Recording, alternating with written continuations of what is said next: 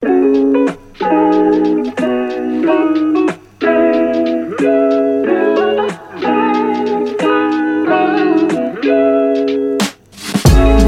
bij Wandelen met Sof, de podcast. Ik ben Sophie Meurs, orthomoleculair diëtist en ik heb mijn eigen praktijk in Amsterdam. Nourish to Flourish. In deze praktijk hoop ik mensen bewuster te maken van gezonde voeding, waarbij het ook gezond is om zo nu en dan iets minder met je voeding bezig te zijn. Door structuur aan te bieden, hoop ik dat mensen kunnen loslaten. In deze podcast hoop ik niet alleen mijn kennis op het gebied van voeding en leefstijl met jou te kunnen delen, maar ook de kennis van onwijs gave gastsprekers. Kom in beweging, luister met mij mee en wandel erop los. Heel erg veel luisterplezier.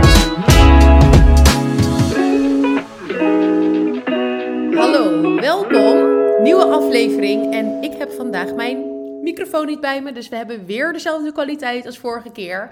Maar dit weerhoudt mij niet om een nieuwe podcast op te nemen. Het is alweer een tijdje geleden.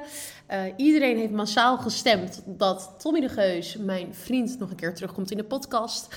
Ik moet hem alleen nog eventjes overtuigen. Dus vandaar dat ik nu eventjes in mijn eentje zit. En ik dacht, ik ga het vandaag over het onderwerp terugkomen naar de vakantie, balans in je voedingspatroon en dergelijke hebben. En nu ik hier zo zit, heb ik eigenlijk niks voorbereid.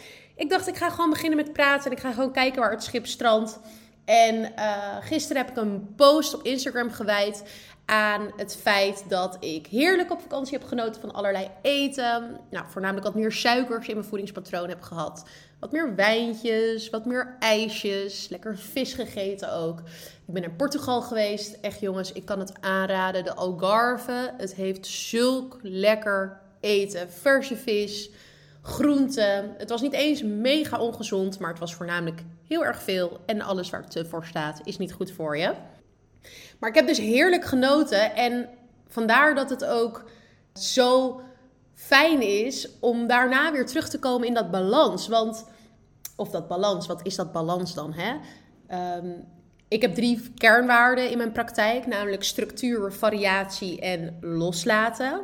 Nou, nu hebben jullie een aantal podcasts geleden al uh, gehoord dat mijn lieve tante Ellen Duim uh, loslaten eigenlijk een moeilijk woord vond. En ik kon het eigenlijk wel beamen, al ben ik nog steeds wel van mening dat loslaten echt in het proces hoort om ook die structuur te kunnen omarmen in je voedingspatroon. Omarmen dus. Want zij zei ja, omarmen, dat is dus belangrijk om het vervolgens te kunnen loslaten. Want zonder dat wij iets omarmen, kunnen we ook niet loslaten. Want anders was loslaten wel zo makkelijk geweest. Waarom vinden mensen het bijvoorbeeld moeilijk om van een bepaald voedingspatroon af te stappen? Of van een bepaalde, van een bepaalde gewoonte af te stappen? Nou ja, omdat je eerst deze gewoonte moet leren accepteren en omarmen, om vervolgens dus los te kunnen laten. En nou ja, dat vind ik toch wel een mooie om eventjes te kunnen benoemen nog. En dan zo zit het natuurlijk ook, of natuurlijk, zo zit het voor mij ook bij de vakantie. Dat omarmen en dat accepteren van lekker dat wijntje, lekker even genieten van het andere eten. Of in ieder geval het eten wat je misschien net even wat te veel doet. En niet je daartegen verzetten. En dat is zo belangrijk om vervolgens weer terug te kunnen komen naar die structuur. Want doordat ik zo intens genoten heb, kan ik er ook weer voor kiezen om weer terug te komen naar die structuur, die balans, mijn normaal. En ik weet namelijk dat als ik weer terugkom naar die normaal, ik daar goed op gedij en vervolgens weer met veel plezier kan loslaten. Het is nu vrijdag en ik heb straks afgesproken lekker op een terras met, uh, met mijn vriend om toch nog even een wijntje te drinken. En naar mijn idee kan ik dit alleen met vol liefde en uh, rust doen, omdat ik weet dat ik weer die structuur kan terugpakken. Dat ik die structuur zo goed heb zitten. En dat die structuur, daar bedoel ik mee, mijn normale voedingspatroon. Waar niet elke dag dat glas alcohol in zit. En waar niet elke dag uh, dat koekje in zit. Maar um, als dat dan gebeurt, of als ik dan het koekje wel neem of het wijntje wel neem, dan kan ik daar ook intens van genieten. Nou, wat ga ik dan nu anders doen? Of wat ben ik anders deze week gaan doen na de vakantie? Nou, waar, waarbij ik normaal dus eigenlijk in de ochtend niet echt ontbijt. Of in de zin van, ja, ze zeggen ontbijt is de belangrijkste maaltijd van de dag. Maar dat ontbijt, wat is dat dan? Is dat jouw havermoutje om 12 uur? Of is dat jouw yoghurtje om 7 uur s ochtends. Ik ben heel erg van mening dat het spijsverteringssysteem rust nodig heeft. Ik geloof ook niet per se heel erg diehard in intermittent fasting, als in dat dat altijd maar goed voor ons is. Rust voor het spijsverteringssysteem is sowieso goed voor ons, want hoe minder wij het lichaam belasten met de vertering, hoe beter ons lichaam werkt of hoe beter het kan functioneren, hoe meer rust het heeft. Maar dan moeten we ons spijsverteringssysteem en ons lichaam wel voldoende bouwstoffen en voedingsstoffen geven om te kunnen functioneren. Dus voldoende energie en voedingsstoffen, die zijn zo belangrijk. Maar dat spijsverteringssysteem rust geven dus ook. Dus normaal gesproken schuif ik dat ontbijt een beetje op. Ik geef daar geen tijd aan. Dus het is de ene keer is dat om 12 uur s middags of misschien wel half 1. En de andere keer als ik de hele dag consulten moet draaien, de hele ochtend al in de weer ben geweest, dan ga ik lekker om 10 uur of soms wel om 9 uur zitten met mijn bakje chia pudding zoals ik net heb gegeten. Het is nu uh, half 12 omdat ik nu even lekker de rust en ruimte vond om, uh, om dat te eten. Maar waar wil ik naartoe gaan? Dat ontbijt dus opschuiven. Waarom doe ik dat normaliter? Om dus dat spijsverteringssysteem rust te bieden. Wanneer wij s'avonds slapen, dan gaat ons lichaam opruimen. Dat wordt ook wel de grote schoonmaak genoemd. Dan gaan de ontgiftende organen werken. Ons immuunsysteem komt even naar buiten om te checken of er niet wel afvalstoffen zijn of dingen waar ze zich tegen moeten verzetten.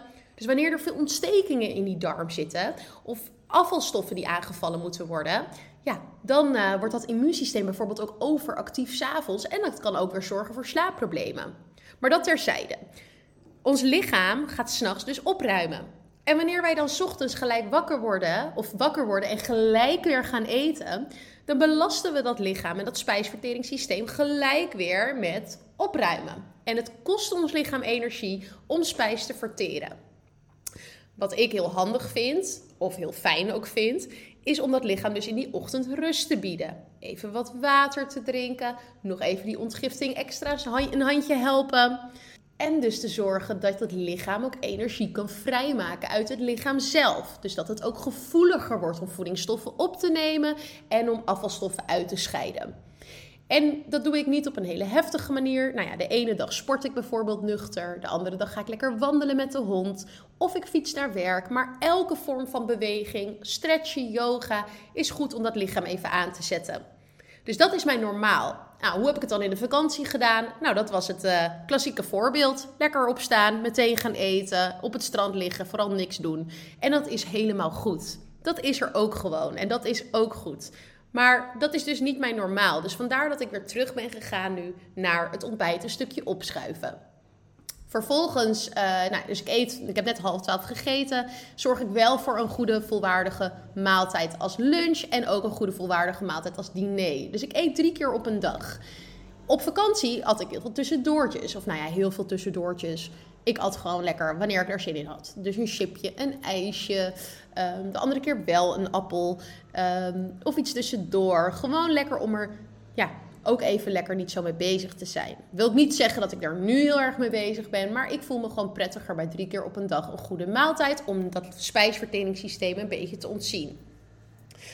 Wanneer we dus veel suikers eten overdag. En met suikers bedoel ik dus niet alleen de snoepjes, de koekjes. Maar koolhydraatrijke maaltijden die snel die bloedsuikerspiegel inschieten. Denk aan broodmaaltijden, niet volkoren granen. Uh, denk aan fruit ook wel. Fruit bevat vezels, dus het gaat minder snel dan bijvoorbeeld een vruchtensap. Maar ik zet bijvoorbeeld ook vaak nootjes naast wat fruit om die bloedsuikerspiegel wat meer te stabiliseren.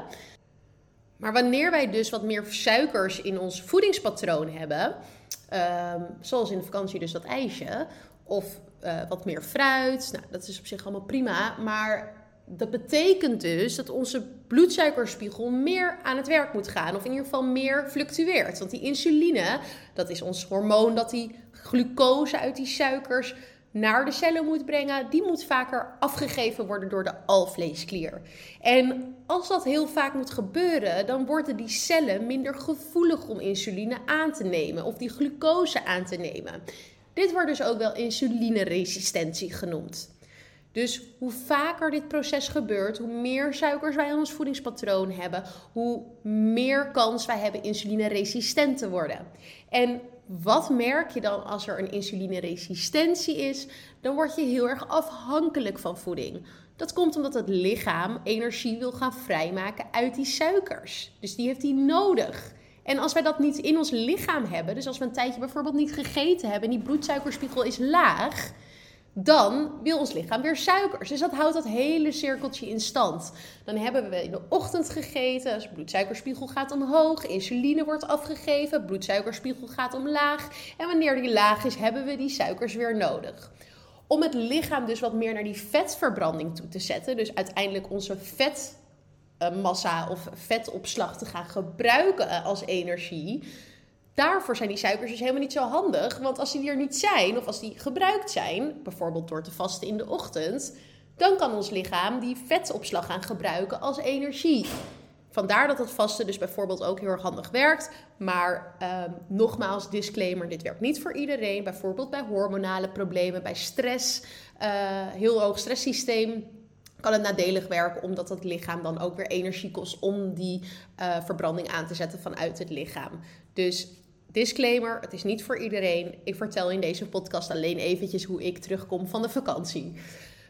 Um, die suikers, daar leefde ik dus al voornamelijk heel erg op in de vakantie. En nu ga ik wat meer terug dus naar die vetverbranding en minder naar die bloedsuikerspiegel. De hele tijd voeden met suikers.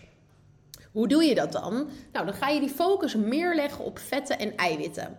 Denk bijvoorbeeld vetten als avocado, vette vis, noten, zaden, pitten olijven, olijfolie, eh, wat kokosolie toevoegen aan bepaalde producten, aan bijvoorbeeld je bananenbroodje of in je smoothie.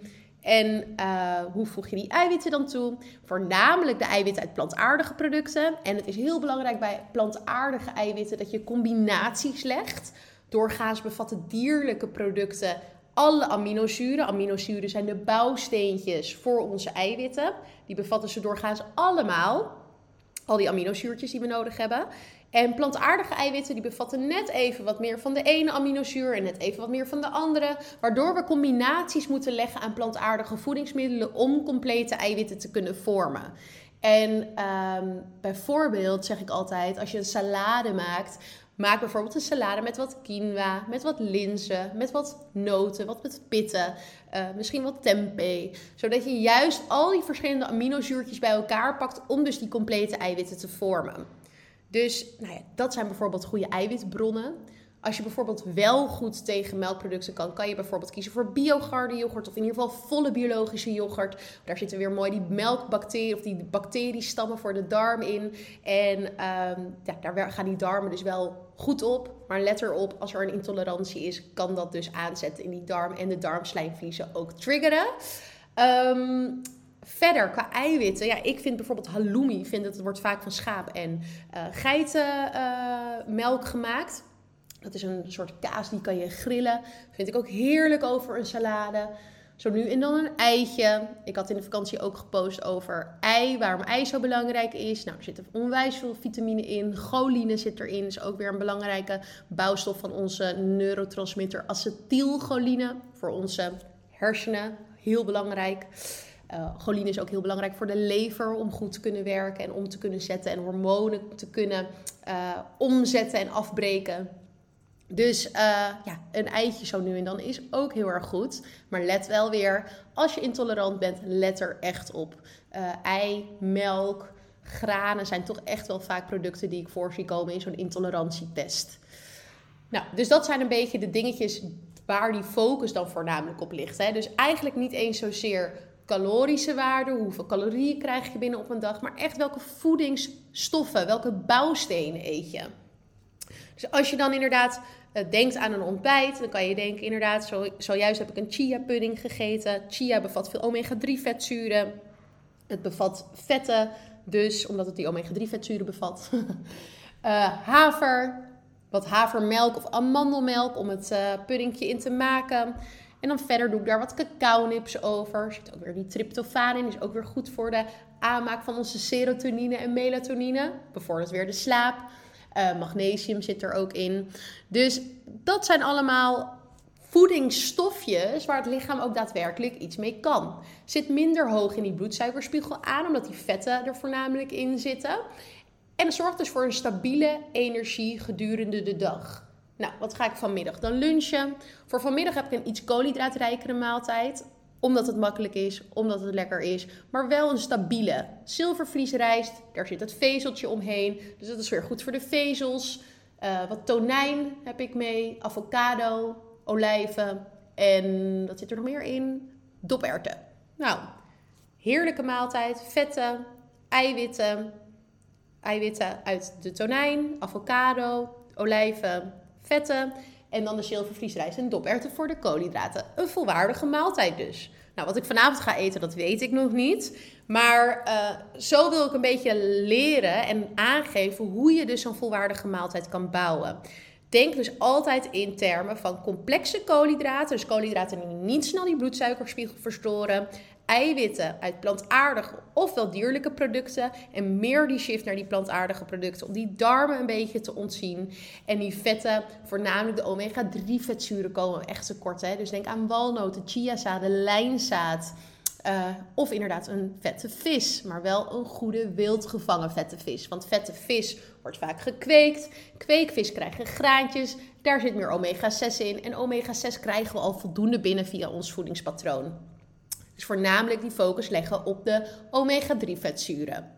Maar ook wel de verzadigde vetzuren zijn goed voor je. Omega-9 vetzuren, voornamelijk in avocado.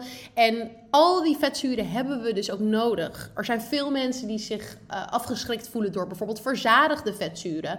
Maar ook die verzadigde vetzuren hebben we nodig voor onze cholesterolstofwisseling, voor onze hersenen, voor onze verbranding. Bijvoorbeeld denk aan kokosolie. Daar zit caprilzuur in, dat werkt schimmelwerend. Maar het zit ook MCT, dat noemen ze middle chain triglycerides. Dus dat zijn uh, ja, middelketen lange vetzuren. Die heel snel worden gebruikt als energie en heel goed zijn voor de energie voor onze hersenen. Dus het is niet zo zwart-wit van oké, verzadigde vetzuren zijn niet goed voor je, onverzadigde wel, maar hou het in balans. Alles waar te voor staat is niet goed voor je. Dus zo wilde ik je even in deze podcast meenemen hoe ik het doe om terug te komen naar de vakantie. Wat mijn structuur is. En ik wil nogmaals zeggen, dit is niet voor iedereen de juiste structuur. Ik ben heel erg benieuwd wat jouw structuur is. En dat is waarom ik de consulten aanga en waarom ik mensen probeer te leren over voeding. En um, wanneer je bij mij op consult komt, dan gaan we ook echt samen aan de slag om hier naar te kijken. Ik probeer uh, hier en daar ook mijn adviezen te geven op basis van jouw voedingspatroon. En uh, ja, niet alles wat voor mij werkt, werkt voor jou. Dus dat wil ik wel even gezegd hebben. Ik wilde gewoon een tipje van de sluier geven. Hoe kom ik dan terug van vakantie? En nou ja, vanavond wat ik al zei, ik ga lekker een wijntje drinken en lekker iets op het terras eten. Dus dat zal misschien wellicht iets minder hoog in vetten en eiwitten zitten. Maar dat is ook helemaal oké. Omdat ik weet dat ik gewoon maandag of morgen natuurlijk ook weer gewoon hele weekend los. Uh, dat ik weer terugkom naar die structuur. En dat ik terugkom naar mijn normale voedingspatroon. En dat is wat ik in de praktijk mensen heel graag wil bieden. Nou, ik hoop dat jullie het een leuke podcast vonden. Kort maar krachtig. En uh, tot de volgende.